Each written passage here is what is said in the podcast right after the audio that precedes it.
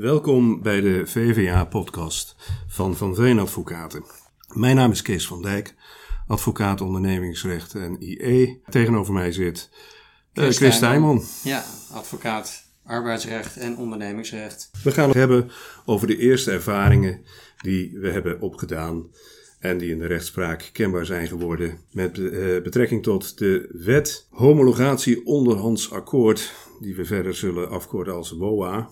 De wet die het mogelijk maakt om buiten faillissement levensvatbare ondernemingen door te kunnen starten.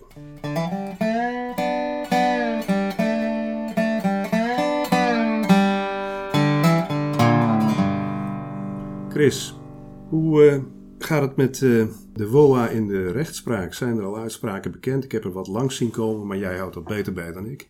Heb je een, een beeld gekregen inmiddels?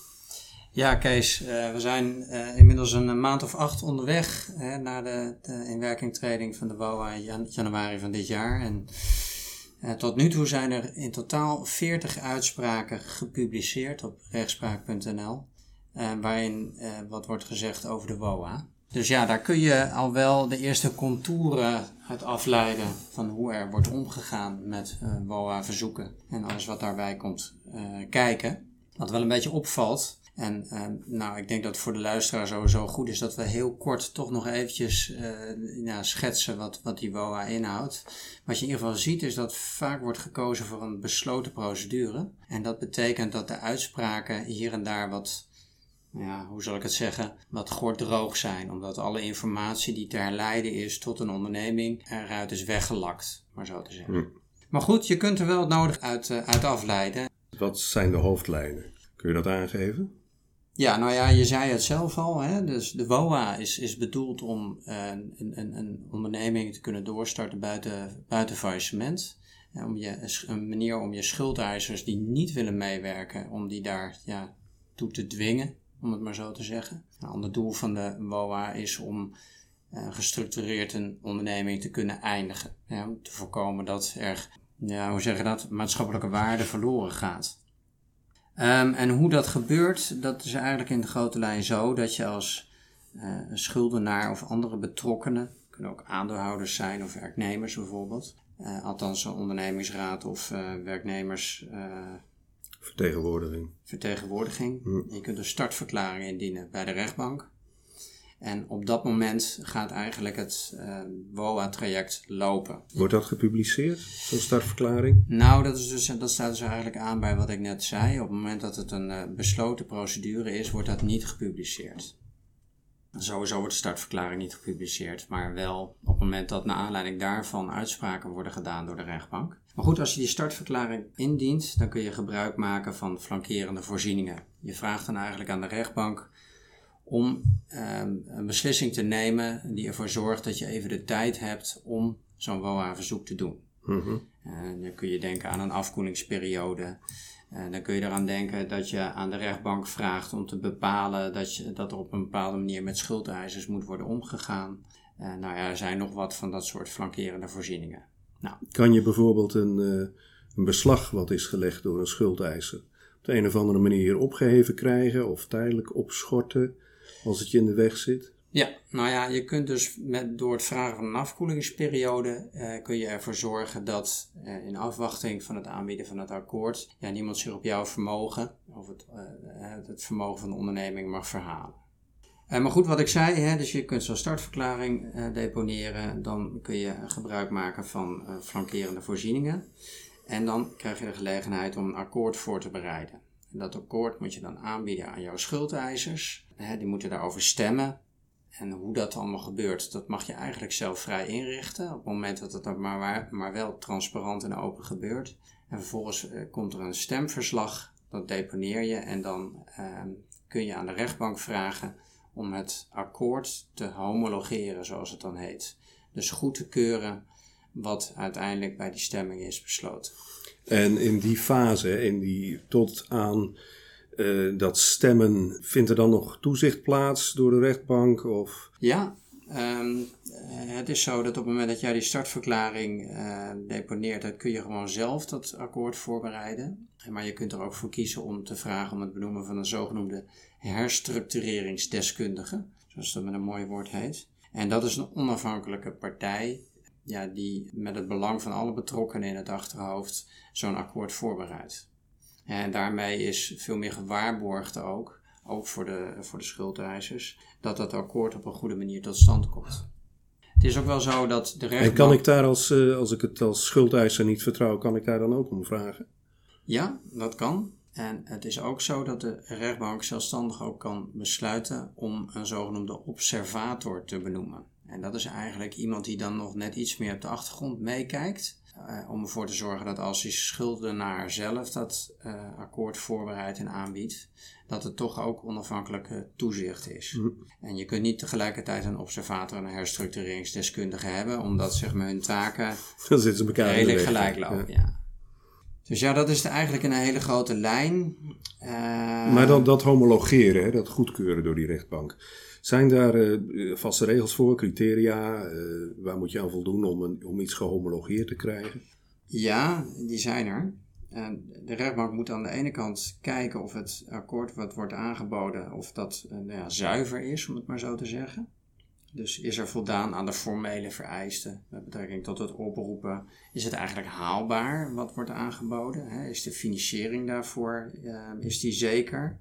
En hij moet gewoon kijken, de rechtbank, of er een klasse die in the money is, zoals het dan heet, heeft ingestemd met uh, het akkoord. En instemmen, dat doe je op het moment dat twee derde van de vorderingen akkoord is. En wat moet ik begrijpen onder uh, in the money? Ik heb iets uh, meegekregen uit de uitspraken dat het in ieder geval zo moet zijn dat het resultaat van de WOA beter is dan een gewoon afwikkelingsscenario. Ja, dan een gewoon afwikkelingsscenario. Hè? Dus het geld wat je bijvoorbeeld in een faillissement uitgekeerd uh, zou krijgen. Hm. Um, hè, dus dat is een voorwaarde. Is het akkoord zuiver? En er moet ook gekeken worden of het, of het, uh, ja, of het akkoord redelijk is. En dan is het inderdaad zo van, hè, krijgen, hebben de schuldeisers geen slechtere positie dan ze zouden hebben op het moment dat er sprake zou zijn van een faillissement.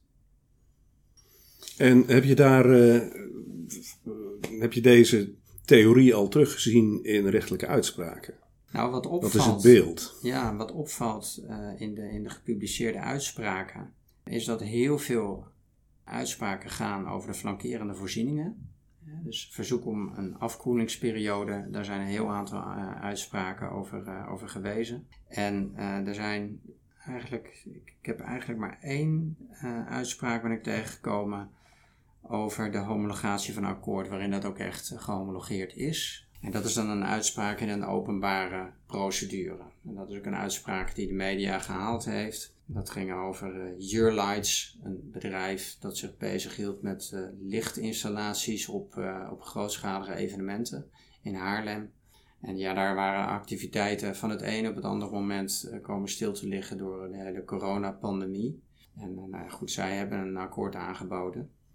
En uh, nou ja, dat, dat is uiteindelijk gehomologeerd. Ja, als je kijkt naar dus die uitspraken die er geweest zijn en uh, je hebt het over die afkoelingsperiode, dan zie je inderdaad dat de rechtbank in die uitspraken gewoon netjes het rijtje langs loopt. En die stelt vast, is, ben ik bevoegd? Is hier sprake van een besloten of van een open procedure? En uh, is die afkoelingsperiode is die noodzakelijk? En uh, wordt, uh, worden de betrokkenen daarbij niet in hun belangen geschaad. Op het moment dat dat aan de orde is, dan wordt een afkoelingsperiode wordt gelast. En dat gebeurt dan voor twee maanden meestal. Maar het kan soms ook anders zijn. Bijvoorbeeld ADO Den Haag, dat is dan een andere openbare WOA-procedure. Die hebben gevraagd om een afkoelingsperiode. Die is dan voor vier maanden toegewezen. Dat loopt binnenkort af, volgens mij trouwens. Dus ik ben heel benieuwd wat daar uh, heel spannend de verdere gang van zaken in gaat. Wat er gaat gebeuren, ja. Ja, maar over die afkoelingsperiode gesproken. En je ziet dan, er is bijvoorbeeld een, een uitspraak van de rechtbank in Amsterdam. Waarin de twee vennootschappen betrokken zijn. Die dan samen met een stichting dienstverlening doen aan ja, patiënten in de, ja, wat is het, uh, verslavingszorg.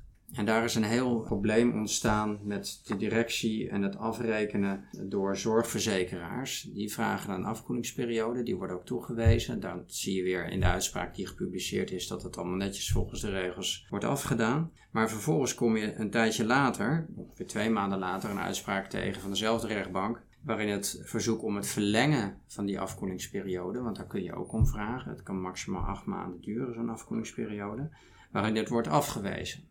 Uh, en er wordt afgewezen omdat, zo zegt de rechtbank, onvoldoende aannemelijk is gemaakt dat voortgang is geboekt bij het uh, aanbieden van het akkoord. Ja, je ziet in dat, in dat vonnis hier voorbij komen ja, dat er lang is doorgebakkeleid tussen betrokkenen over wie dan de leiding had in de stichting. En dat een boekhouder uh, weigerde om gegevens te verstrekken. Nou, en daardoor heeft het allemaal, is het allemaal een beetje op de lange baan geschoven. En ja, tenslotte, en dat was dan de klap op de vuurpijl, uh, was de beoogde financier van het akkoord afgehaakt en was er nog geen nieuwe gevonden. Nou, als je dat dan allemaal bij elkaar in het mandje stopt, ja, dan zegt zo'n rechtbank, dat gaat hem niet worden. Nee, heel begrijpelijk. Um, ik ben ook een, een uitspraak tegengekomen dat uh, een verzoek tot benoeming van zo'n herstructureringsdeskundige werd afgewezen omdat niet duidelijk was of er daaraan verbonden financiële verplichtingen konden worden voldaan. Dat is dus kennelijk ook een voorwaarde. Het water moet je dus wel redelijk tot de lippen zijn gestegen, maar nog niet boven de lippen staan. Nee, sterker nog, um, op het moment dat het water je al boven de lippen is gestegen en je dus niet in staat bent om aan je lopende verplichtingen te voldoen, dan zal een verzoek om een herstructureringsdeskundige worden afgewezen. Uh, dat, dat laten verschillende uitspraken ook zien. Want in principe is het zo dat jouw verzoek om uh, benoeming van een herstructureringsdeskundige, dat je daarvoor alleen maar hoeft te laten zien dat voorzienbaar is dat je in de toekomst niet aan je verplichtingen kunt voldoen. Maar de rechtbank leest daarin dat dat dus betekent dat je dat nu wel kunt. Hm. En dat is belangrijk, want dat betekent dat als jij zo'n WOA-verzoek overweegt, omdat je te maken hebt met een aantal partijen die niet willen, willen meewerken, terwijl de rest dat wel wil, ja, dat je dan wel echt op tijd moet schakelen. En dus niet tot op het allerlaatste moment moet wachten. Nee, dat, dat was de, de portée van mijn vraag. Wacht, want ik lees nu net vandaag een enquête van de gevolgen voor het uh, midden- en kleinbedrijf mm van de coronapandemie. En dat hoewel de economie op dit moment booming is, sommige sectoren toch diep in de schulden zitten. En ja, dan lijkt me de WOA een, een goed middel om te proberen een levensvatbare onderneming weer op het droge te krijgen. Ja, en dat raakt dan nog even aan wat anders. Hè? De onderneming, wat is eigenlijk de onderneming? Wie kan eigenlijk een BOA-verzoek doen? Nou, in principe maakt de rechtsvorm dus niet uit. Hè? Dus je kunt ook als eenmanszaak kun jij een uh, verzoek doen. Maar op het moment dat je al met je eenmanszaak bijvoorbeeld bent gestaakt, dan kan het niet meer. Daar zie je ook een uitspraak van voorbij komen. Maar er moet dus wel geld zijn. Je ziet een andere uitspraak waarin uh, een herstructureringsdeskundige wordt benoemd en wordt een voorschot toegewezen van 8.500 euro. Dat soort bedragen, daar heb je het sowieso over. Als je een akkoord gehomologeerd wil hebben, 4.500 euro griffierecht. Ja, dat zijn bedragen die je sowieso al kwijt bent. En natuurlijk heb je ook een, uh, adviseurs nodig, accountants, advocaten, om daar uh, naar te kijken. Dus al met al, je moet wel wat liquiditeit hebben, anders dan wordt het, ja, dan wordt het gewoon een moeilijk verhaal. Ja, en verder kwam ik nog, maar dat is misschien een, uh, een witte raaf of een vreemde eend in de bijt. Een uitspraak tegen uh, van de rechtbank Gelderland was het, meen ik, waarbij er een crediteur was vergeten. Ja. En dat bleek toch nog wel reparabel, omdat de crediteur vervolgens nog benaderd wel instemde met het, uh, het akkoord. Hoe nou luistert dat? Is daar een, een een beeld van te krijgen uit de, uit de rechtspraak? Nou ja, dat luistert erg nauw. Ja, het is niet voor niks zo dat de rechtbank in die uitspraak daar vrij uitgebreid op ingaat. Hè, en eigenlijk zegt van nou ja, in dit geval kan er toch worden gehomologeerd. Omdat zeg maar die schuldenaar toen hij achterhaalde van hé, hey, ik ben een crediteur vergeten, aanvullende financiering heeft geregeld. En de betreffende vergeten schuldeiser kreeg precies hetzelfde percentage uitbetaald als de andere schuldeisers. En met deze constructie werden die andere schuldeisers dus niet benadeeld. En dat was voor de rechtbank reden om toch te homologeren.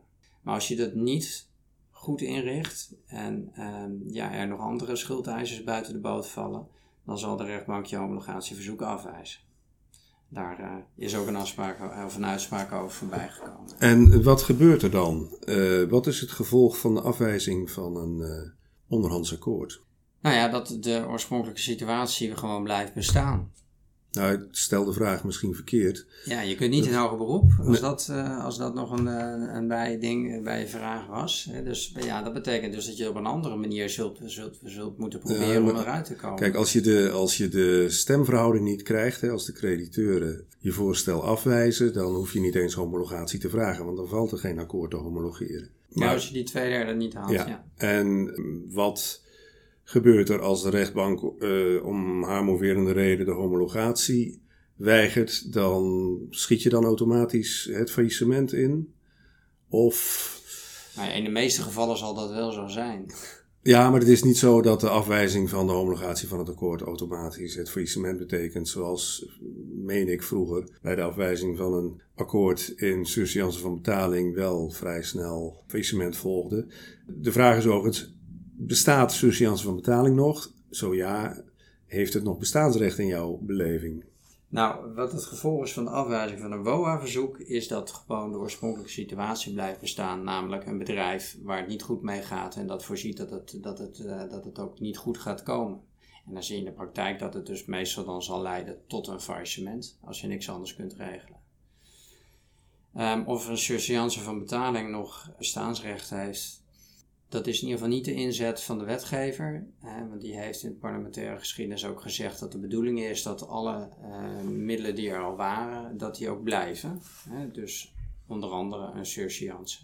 betekent dus ook als jij erin slaagt om een akkoord aan te bieden aan je schuldeisers en iedereen stemt in, noem maar wat, dan hoef je dus ook niet te homologeren, want iedereen is akkoord. Maar het mooie aan de WOA blijft dat, en, dat je echt maatwerk kunt leveren dus je kunt gewoon goed rekening houden met welke partij het betreft. Daar zie je nog twee uitspraken over en dan gaan we denk ik ook wel een beetje richting de afronding. Eh, twee uitspraken over een glastuinbouwbedrijf waar men probeert om de schuldenlast te herstructureren. En daar zie je dat de rechtbank goed rekening houdt met het feit dat het een seizoensgebonden bedrijf is. Die hadden nog een krediet nodig om de oogst te kunnen uh, laten plaatsvinden. En daarbij zegt de rechtbank in dat hele specifieke geval mag je de schuldeisers ook verschillend behandelen bijvoorbeeld. Dus na het moment dat dat verzoek is gedaan, die, die schuldeisers die uh, nodig zijn zeg maar, om, om te kunnen oogsten, die krijgen volledig betaald.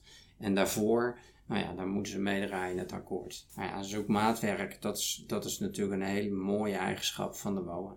Goed, we komen aan het eind van deze podcast. Wat zijn jouw belangrijkste conclusies met betrekking tot de rechtspraak van de, in de WOA vanaf 1 januari 2021?